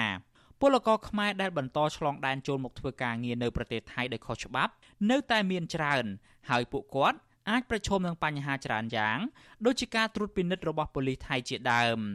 លោកលើកទឹកចិត្តឲ្យប្រជាពលរដ្ឋខ្មែរដែលចង់ធ្វើការងារនៅក្រៅប្រទេស គួរតែមកធ្វើការងារដោយស្របច្បាប់ទើបមានសុវត្ថិភាពហើយរដ្ឋាភិបាលគួរតែជួយសម្រួលដល់ដំណើរការធ្វើឯកសារជូនដល់ពួកគាត់ខ្ញុំចង់ឲ្យបងប្អូនពលករហ្នឹងគាត់មករកការងារធ្វើហ្នឹងបើតាមប្រព័ន្ធ MOU តាមស្របច្បាប់តាមច្បាប់ការងាររបស់ថៃហ្នឹងខ្ញុំគិតថាគាត់មិនមិនសូវមានបញ្ហាប្រឈមទេសម្រាប់ការស្វែងរកការងារនៅថៃណារបាយការណ៍របស់ក្រសួងការងារកម្ពុជាឲ្យដឹងថា ពលករខ្មែរដែលកំពុងធ្វើការងារដោយស្របច្បាប់នៅក្នុងប្រទេសថៃមានប្រមាណ1លាន2សែននាក់ក៏ប៉ុន្តែអង្គការសង្ត្រាល់ប៉ាន់ស្មានថាពលករខ្មែរនៅប្រទេសថៃមានជិត2លាននាក់ដោយរាប់បញ្ចូលទាំងពលករស្របច្បាប់និងមិនស្របច្បាប់ខ្ញុំយ៉ងច័ន្ទដារាវិទ្យុអាស៊ីសេរីរាយការណ៍ពីរដ្ឋធានី Washington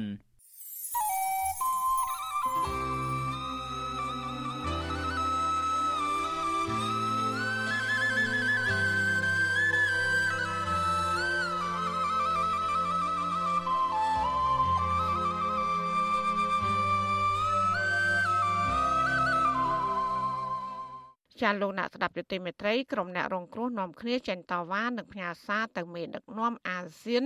និងមេដឹកនាំប្រទេសប្រជាធិបតេយ្យធំធំជាពិសេសគឺប្រធានាធិបតីអាមេរិកលោក Joe Biden ឲ្យជួយដោះស្រាយបញ្ហារបស់ពួកគាត់ពួកគាត់លើកយកសំណើនឹងទុកកង្វល់មួយចំនួន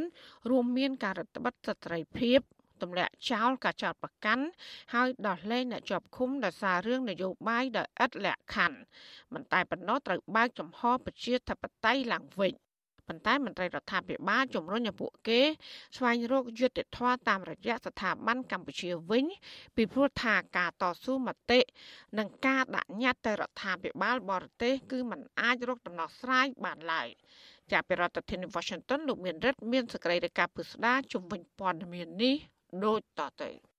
ជនរងគ្រោះដែលជាក្រុមគ្រួសារសកម្មជនបកប្រឆាំងក្រុមយុវជនសង្គមក្រុមកម្មករព្រមទាំងពលរដ្ឋរងគ្រោះដីធ្លី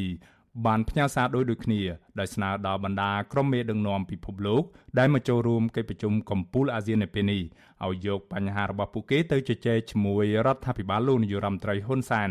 ឲ្យងាកមកគោរពសិទ្ធិមនុស្សស្ដារលទ្ធិប្រជាធិបតេយ្យនិងកែតម្រង់ប្រព័ន្ធយុត្តិធម៌ឡើងវិញ។ ជនរងគ្រោះទាំងនោះបាននាំគ្នាធ្វើកោតកម្មតវ៉ាដោយសន្តិវិធីក៏ប៉ុន្តែត្រូវបានអាជ្ញាធរតាមធ្វើទុកបុកម្នេញនិងហាមឃាត់ពួកគេក្រោមហេតុផលថែរក្សាសន្តិសុខនិងសន្តិភាពសាធារណៈតំណាងយុវជនខ្មែរថាវរៈលោកហ៊ុនវណ្ណៈឲ្យដឹងថាក្រមយុវជន បាននាំគ្នាធ្វើកោតកម្មបង្អត់អាហារអស់រយៈពេលមួយសប្តាហ៍គឺដល់ថ្ងៃទី6ហើយដើម្បីទាមទាររោគយុត្តិធម៌ជូនអ្នកទោសមនសិការ ក៏ប៉ុន្តែពួកគេត្រូវបានអាជ្ញាធរក្រុងភ្នំពេញតាមរំខាន បំផិតបំភ័យជាហូរហែក្នុងគោលបំណងឲ្យពួកគេបញ្ឈប់សកម្មភាព នៅទីលានប្រជាធិបតេយ្យ លោកឲ្យដឹងថារហូតមកទល់ពេលនេះមានយុវជនខ្មែរថាវរៈចំនួន4នាក់ហើយបានធ្លាក់ខ្លួនឈឺនិងដួលសន្លប់ក្នុងនោះរួមមានលោកស្វាយសំណាងត្រូវបានដឹកទៅសង្គ្រោះបន្ទាន់នៅមន្ទីរពេទ្យដោយគ្រូពេទ្យកំពុងពិនិត្យនិងព្យាបាល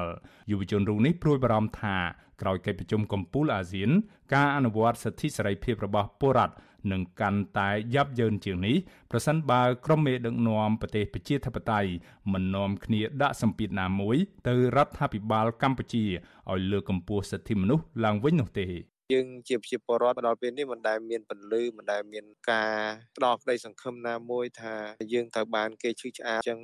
ខ្ញុំរំពឹងថាមានតែសហរដ្ឋអាមេរិកដែលអាចជួយបានបន្តគោលជំហរនៅជាមួយប្រជាពលរដ្ឋខ្មែរគិតគូរទៅដល់សុខទុក្ខប្រជាពលរដ្ឋខ្មែរហើយអាចការពិចារណាជួយចូលរួមដោះស្រាយនៅវិបត្តិនយោបាយខ្មែរយើងជាពិសេសនៅការបោះឆ្នោតខាងមុខនេះ ចំណែកឯតំណាងស្ត្រីថ្ងៃសុកនឹងជាប្រពន្ធមន្ត្រីគណៈបកសង្គ្រោះជាតិនៅរាជធានីភ្នំពេញដែលកំពុងជាប់ពន្ធនាគារលោកកកកំភាគឺលោកស្រីព្រំចន្ទថាលោកស្រីថ្លែងថាកិច្ចប្រជុំកំពូលអាស៊ាននៅពេលនេះគឺជាឱកាសល្អសម្រាប់ជនរងគ្រោះដែលរងនៅភាពអយុត្តិធម៌ពីសំណាក់រដ្ឋាភិបាលកម្ពុជាកន្លងមកប្រពន្ធសកម្មជនបកប្រជារូបនេះឲ្យដឹងថាលោកស្រីគ្រងនាំគ្នាចេញទៅដាក់ញត្តិ ជូនប្រធានាធិបតីសហរដ្ឋអាមេរិកលោក Joe Biden នៅថ្ងៃទី12ខែវិច្ឆិកានេះដែរក៏ប៉ុន្តែត្រូវសមាជិកចម្រុះជាច្រើនអ្នកបានឡោមព័ទ្ធមិនអនុញ្ញាតឲ្យលោកស្រីចេញពីផ្ទះនោះឡើយ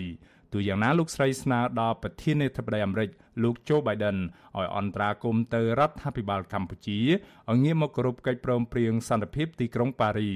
ដោយបញ្ឈប់ការធ្វើទុកបុកម្នេញផ្នែកនយោបាយដោយដោះលែងអ្នកទោសមនសិការទាំងអស់និងបើកលំហប្រជាធិបតេយ្យតាមរយៈការរៀបចំការបោះឆ្នោតដោយសេរីត្រឹមត្រូវនិងយុត្តិធម៌ឡើងវិញ នេះជាឱកាសមាសមួយដែលត្រូវចេញប៉ុន្តែឥឡូវពួកខ្ញុំចេញអត់ការដោយសារមានការឃ្លាំមើលយ៉ាងខ្លាំងហើយតាមតឹងខ្លាំងមែនតែនតែម្ដងហើយទី1ទី2ទៀតឥឡូវខ្ញុំផ្ទាល់នេះគេមកបិទចិត្តឈឹងមកហើយគាត់ឡោមគាត់ឲ្យអាញាធរមួយទៅខ្ញុំគិតថាជំនួបការប្រជុំនេះនឹងមានការប្រែប្រួលដើម្បីឲ្យដោះលែងអ្នកប្រជាធិបតេយ្យទាំងអស់ជាពិសេសអ្នកទោមអ្នកសការទាំងអស់ដែលជាក្រុមគ្រួសាររបស់ប្តីខ្ញុំតែម្ដងខ្ញុំគិតថានឹងអាចប្រែប្រួល រីឯក្រុមកោតក្រកាស៊ីណូ Nagawal វិញពួកគេនៅតែបន្តប្រមូលផ្ដុំឈោតវ៉ានៅខាងមុខអគារក្រុមហ៊ុន ដើម្បីទាមទារឲ្យរដ្ឋាភិបាលលោកហ៊ុនសែននិងម្ចាស់ក្រុមហ៊ុនបនលបែង Nagawal ចេញមុខដោះស្រាយវិវាទការងារជូនពួកគាត់ទៅតាមផ្លូវច្បាប់ក៏ប៉ុន្តែក្រុមកោតក្រត្រូវបានអាជ្ញាធរស្លៀកពាក់ស៊ីវិលនិងឯកសន្តានរាប់សិបនាក់ដាក់ពង្រាយកម្លាំងតាមឃ្លាំមើលសកម្មភាពរបស់ពួកគេកោតក្រកាស៊ីណូ Nagawal ម្នាក់ កញ្ញាម៉ែនសុធីវឌ្ឍនាប្រាវិសុយស៊ីស្រីថាក្រុមកោតកោធ្វើកោតកម្មជិត1ឆ្នាំមកហើយក៏ប៉ុន្តែពុំទទួលបានដំណោះស្រាយនោះទេផ្ទុយទៅវិញអាជ្ញាធរនឹងភៀកគីក្រុមហ៊ុន បានលៀបពណ៌និងចោទប្រកាន់ពួកគេតាមប្រព័ន្ធតុលាការ ហើយប្រើអំពើហិង្សាទាត់ធាក់កម្មករតាមទំនឹងចិត្ត កញ្ញាស្នើដល់ក្រុមមេដឹកនាំពិភពលោកដែលមកចូលរួមកិច្ចប្រជុំកំពូលអាស៊ាននៅពេលនេះឲ្យយកសំណើរបស់ក្រុមកម្មករដើម្បីជំរុញឲ្យរដ្ឋាភិបាលកម្ពុជា បង្ហាញឆន្ទៈច្បាស់លាស់នៅក្នុងការបញ្ចប់វិវាទការងារជូនកម្មករប្រកបដោយភាពស្មោះត្រង់បញ្ឈប់ការរដ្ឋបិទសេរីភាពនៃការសម្ដែងមតិនិងការប្រើប្រាស់ប្រព័ន្ធតុលាការដាក់សម្ពាធមកលើពលរដ្ឋតទៅទៀត។ សូមឲ្យប្រទេសដែលជាអាស៊ានទាំងអស់គោរពនៅច្បាប់ការងារដើម្បីឲ្យមានស្ថិរភាពនៅក្នុងអាស៊ានយើងហ្នឹងហើយនឹងស្នើសុំឲ្យខាងដឹកនាំកម្ពុជាកម្ពុជាដូចជាថ្នាក់ដឹកនាំអាមេរិកសូមជួយជំរុញរដ្ឋាភិបាលខ្មែរឲ្យដោះស្រាយនៅក្នុងវិវាទការងារហ្នឹងមួយមួយនេះផង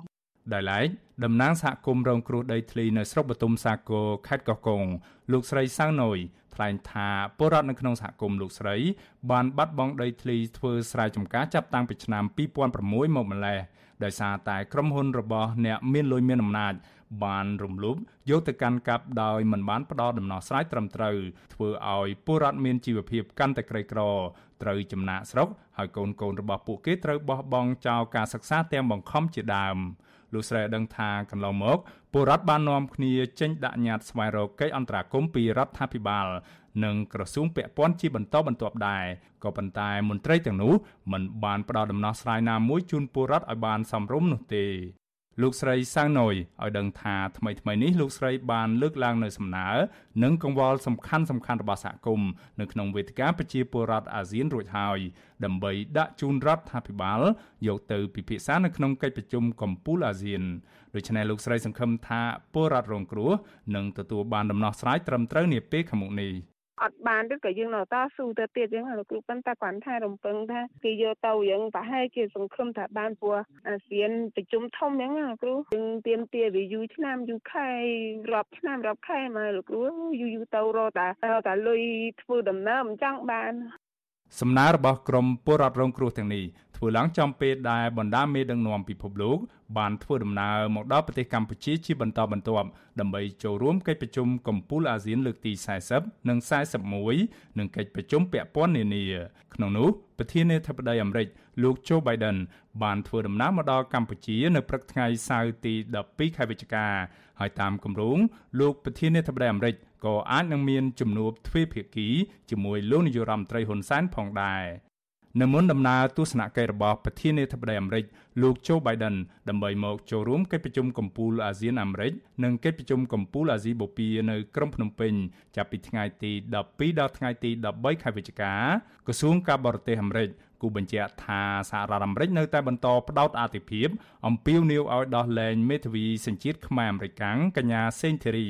និងសកម្មជនគណៈបកប្រឆាំងទាំងអស់ដែលត្រូវបានជាប់ឃុំឃាំងដោយអយុត្តិធម៌ ឆ្លើយតបរឿងនេះប្រធានអង្គភិបអ្នកណែនាំពាក្យរដ្ឋាភិបាល លោកផៃស៊ីផាននិយាយថាការតស៊ូមតិនិងការដាក់ញត្តិរបស់ពលរដ្ឋស្នើសុំឲ្យរដ្ឋាភិបាលបរទេសជួយអន្តរាគមន៍មករដ្ឋាភិបាលកម្ពុជានោះមិនអាចរកដំណោះស្រាយបានទេលោកអាងថាក្រសួងយុតិធធបានកែតម្រង់ប្រព័ន្ធច្បាប់ ហើយរដ្ឋាភិបាលតែងតែទទួលយកសំណើរបស់ពលរដ្ឋមកដោះស្រាយជាបន្តបន្ទាប់ដូច្នេះហើយលោកជំរុញឲ្យពលរដ្ឋទាំងនោះស្វែងរកយុត្តិធម៌តាមរយៈប្រព័ន្ធច្បាប់ និងស្ថាប័នរបស់កម្ពុជាវិញយើងប្រើប្រាស់ទៅតាមយន្តការហើយនិន្នាការច្បាប់ណាអានឹងជាជាងការតស៊ូមតិ ការតស៊ូមតិហ្នឹងគ្រាន់តែជាការបង្រៀនគោលនយោបាយទេវាមិនមែនជាការដោះស្រាយទេហើយវាអត់មានបានផលអីសម្រាប់អ្នកដទៃទៀតវាក៏បានផលអ្វីសម្រាប់អ្នកទទួលអំពើដែលគេយល់ឃើញថាជាការជិះជាន់ឬការរំលោភសិទ្ធិ ទោះជាយ៉ាងណាមន្ត្រីសិទ្ធិមនុស្សជាតិធ្លាប់លើកឡើងថាសហគមន៍អន្តរជាតិចង់ឃើញរដ្ឋាភិបាលកែលម្អស្ថានភាពប្រជាធិបតេយ្យនិងគោរពសិទ្ធិមនុស្សឲ្យបានប្រសើរឡើងវិញដើម្បីផលប្រយោជន៍សេដ្ឋកិច្ចនិងការអភិវឌ្ឍសម្រាប់ពលរដ្ឋខ្មែរទន្ទឹមនឹងនេះ ការដែលក្រមប្រទេសនិយមប្រជាធិបតេយ្យលើកឡើងបញ្ហាទាំងនេះឲ្យរដ្ឋាភិបាលកម្ពុជាពិនិត្យនិងដោះស្រាយមិនមែនជាការជ្រៀតជ្រែកកិច្ចការផ្ទៃក្នុងរបស់កម្ពុជានោះទេ ពីព្រោះពួកគេមានកាតព្វកិច្ចនៅក្នុងការជួយដល់កម្ពុជាដោយដែលមានចែងនៅក្នុងស្មារតីនៃកិច្ចព្រមព្រៀងសន្តិភាពក្រុងប៉ារីឆ្នាំ1991ចំណែកឯរបាយការណ៍របស់គម្រោងយុត្តិធម៌ពិភពលោកហៅកាត់ថា WJP បានរកឃើញថា ប្រទេសកម្ពុជាពូកែខាងរំលោភច្បាប់ជាងគេប្រទេសកម្ពុជាជាប់ចំណាត់ថ្នាក់ផ្នែកនីតិរដ្ឋឬគោរពច្បាប់ស្ទើរតែនៅបាតតារាង គឺនៅលេខ139ក្នុងចំណោម140ប្រទេសនៅក្នុងឆ្នាំ2022នេះរបាយការណ៍ដដែលនេះបានបង្ហាញកត្តាចម្បងចម្បងចំនួន8សម្រាប់ដំណើរការដាក់សន្ទុះនីតិរដ្ឋនៅក្នុងនោះរួមមានដូចជា ដែនកំណត់អំណាចរដ្ឋាភិបាល ការលុបបំបាត់អំពើពុករលួយ រដ្ឋាភិបាលបើកទូលាយសិទ្ធិជាមូលដ្ឋានសម្ដាប់ធ្នាប់និងសន្តិសុខសង្គមការពង្រឹងការអនុវត្តច្បាប់យុត្តិធម៌ផ្នែករដ្ឋបវេនី និងយុត្តិធម៌ផ្នែកព្រហ្មទណ្ឌដែលកម្ពុជាសុទ្ធតែទទួលបានពិន្ទុទាបទាំងអស់ខ្ញុំបាទមេរិត Visual C ស្រីរាយការណ៍ពីរដ្ឋធានី Washington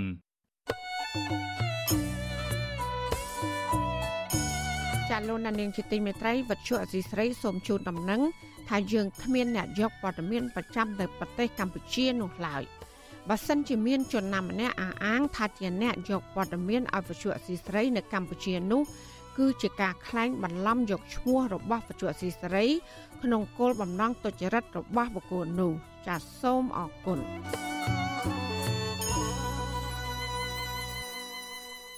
ចាលោកនានីជាទីមេត្រីពាក់ព័ន្ធនឹងរឿងតវ៉ារបស់យុវជននេះ ក្រមយុវជនខ្មែរថាវរៈអះអាងថាអាញាធរកំពុងបណ្ឌិតរឿងលើសមាជិករបស់ពួកគេចំនួន2នាក់គឺលោកហ៊ុនវណ្ណៈនិងលោកស្វាយសំណាងតាក់ទងនឹងករណីរំលោភ សមាជិកយុវជនខ្មែរថាវរៈលោកស្វាយសំណាងប្រាប់បច្ចុប្បន្នស៊ីស្រី ថាអាញាធរជាច្រើនអ្នកបានចោះទៅទីតាំងបន្ទប់ជួលរបស់លោកនៅក្នុងខណ្ឌរិស័យកែវកាលពីយប់ថ្ងៃទី12ខែវិច្ឆិកាដើម្បីតាមរករូបលោក លោកថាអាញាធរបានប្រាប់ទៅអ្នកជួលបន្ទប់ក្បែរលោក ថាលោកហើយនឹងលោកហ៊ុនវណ្ណៈមានជាប់ពាក់ព័ន្ធនឹងបទល្មើសរំលោភ យុវជនថ្វាយតំណាងបញ្ជាក់ថាលោកកំពុងស្នាក់នៅកន្លែងមានសុវត្ថិភាព ដោយមិនហ៊ានត្រឡប់ទៅបន្ទប់ជួលនោះវិញឡើយលោកចាត់ទុកទង្វើរបស់ក្រុមអាជ្ញាធរនេះថាជាការគំរាមកំហែងនិងជាការបដិទ្ធរឿងដ៏ស្មោកគ្រោក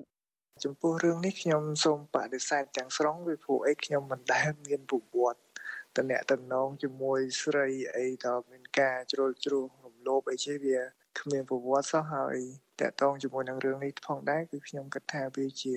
រឿងចាត់ប្រកាន់ដែលគ្មានផុសតាងច្បាស់លាស់របៀបថាមកគម្រាមកំហែងយើងចំពោះកិច្ចការងារសង្គមណាវជុអសីស្រីមិនអាចតកតងแนะនាំពាក្យស្នងការដ្ឋាននគរបាលរាជធានីភ្នំពេញលោកសាន់សុកសីហាដើម្បីសាកសួររឿងនេះបានទេកាលពីយប់ថ្ងៃទី12ខែវិច្ឆិកា ក្រមយុវជនខ្មែរថាវរៈឲ្យដឹងថាពួកគេនឹងរាយការណ៍អំពីករណីគម្រាមកំហែងនេះទៅការិយាល័យឧត្តមស្នងការអង្គការសហប្រជាជាតិទទួលបន្ទុកសិទ្ធិមនុស្សប្រចាំកម្ពុជា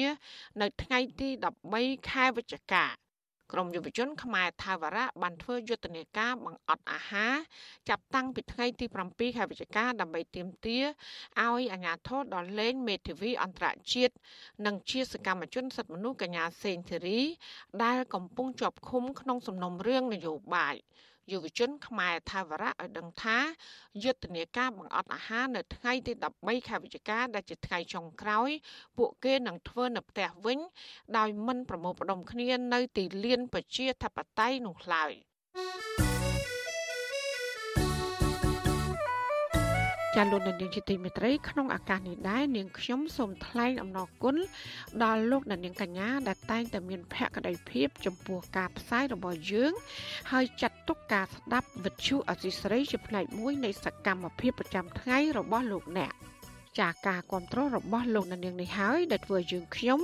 មានទឹកចិត្តកាន់តែខ្លាំងបន្ថែមទៀតក្នុងការស្វែងរក និងផ្តល់ព័ត៌មាន សម្រាប់ជូនលោកនាង ចាំមានអ្នកស្ដាប់និងអ្នកទស្សនាកាន់តែច្រើនកាន់តែធ្វើឲ្យយើងខ្ញុំ មានភាពស្វាហាប់មោះមុតជាបន្តទៀតចាយើងខ្ញុំសូមអរគុណទុកជាមុនហើយក៏សូមអញ្ជើញលោកដានៀងកញ្ញាចូលរួមជំរុញសកម្មភាពផ្តល់ព័ត៌មានរបស់យើងនេះឲ្យកាន់តែបានជោគជ័យបន្ថែមទៀត។ ចាលោកណានៀងអាចជួយយើងខ្ញុំបានដោយគ្រាន់តែចុចចែករំលែកឬ share ការផ្សាយរបស់យើងខ្ញុំនៅលើបណ្ដាញសង្គម Facebook និង YouTube ទៅកាន់មិត្តភ័ក្តិរបស់លោកណានៀងដើម្បីឲ្យការផ្សាយរបស់យើង បានទៅដល់មនុស្សកាន់តែច្រើនចាសសូមអរគុណចាលោកលាននាងកញ្ញាអ្នកស្ដាប់ជាទីមេត្រីការផ្សាយរយៈពេល1ម៉ោងរបស់វិទ្យុអាស៊ីស្រីជាភាសាខ្មែរនៅពេលនេះចាប់តែប៉ុណ្ណេះ ចាយើងខ្ញុំទាំងអស់គ្នាសូមជូនពរលោកនាងនិងក្រុមគ្រួសារទាំងអស់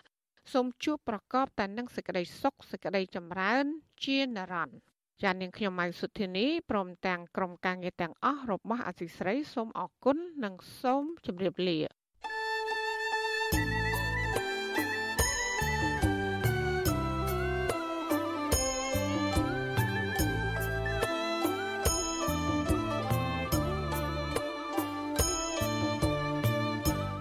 វិទ្យុអាស៊ីសេរីផ្សាយតាមរលក ធារកាសខ្លីឬ shortwave តាមកម្រិតនិងកម្ពស់ដូចតទៅនេះពេលព្រឹកចាប់ពីម៉ោង5កន្លះដល់ម៉ោង6កន្លះតាមរយៈរលក ធារកាសខ្លី9390 kHz ស្មើនឹងកម្ពស់ 32m និង11850 kHz ស្មើនឹងកម្ពស់ 25m ពេលយប់ចាប់ពីម៉ោង7កន្លះដល់ម៉ោង8កន្លះតាមរយៈរលក ធារកាសខ្លី 9390 kHz ស្មើនឹងកម្ពស់ 32m និង15155 kHz ស្មើនឹងកម្ពស់ 20m និង11885 kHz ស្មើនឹងកម្ពស់ 20m លោកអ្នកនាងក៏អាចស្ដាប់ការផ្សាយផ្ទាល់តាមប្រព័ន្ធអ៊ីនធឺណិតដោយចូលទៅកាន់គេហទំព័ររបស់ Vuthu Azisery www.rfa.org/ ខ្មែរ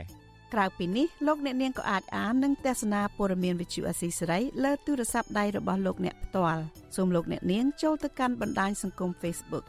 ដែលមានអាសយដ្ឋាន www.facebook.com/rfa cambodia និង YouTube www.youtube.com/rfa khmer video សូមលោកអ្នកនាងចុច like និងចុច subscribe ដើម្បីទទួលបានព័ត៌មានថ្មីៗទាន់ហេតុការណ៍ និងទស្សនាវីដេអូផ្សេងៗបានគ្រប់ពេលវេលា។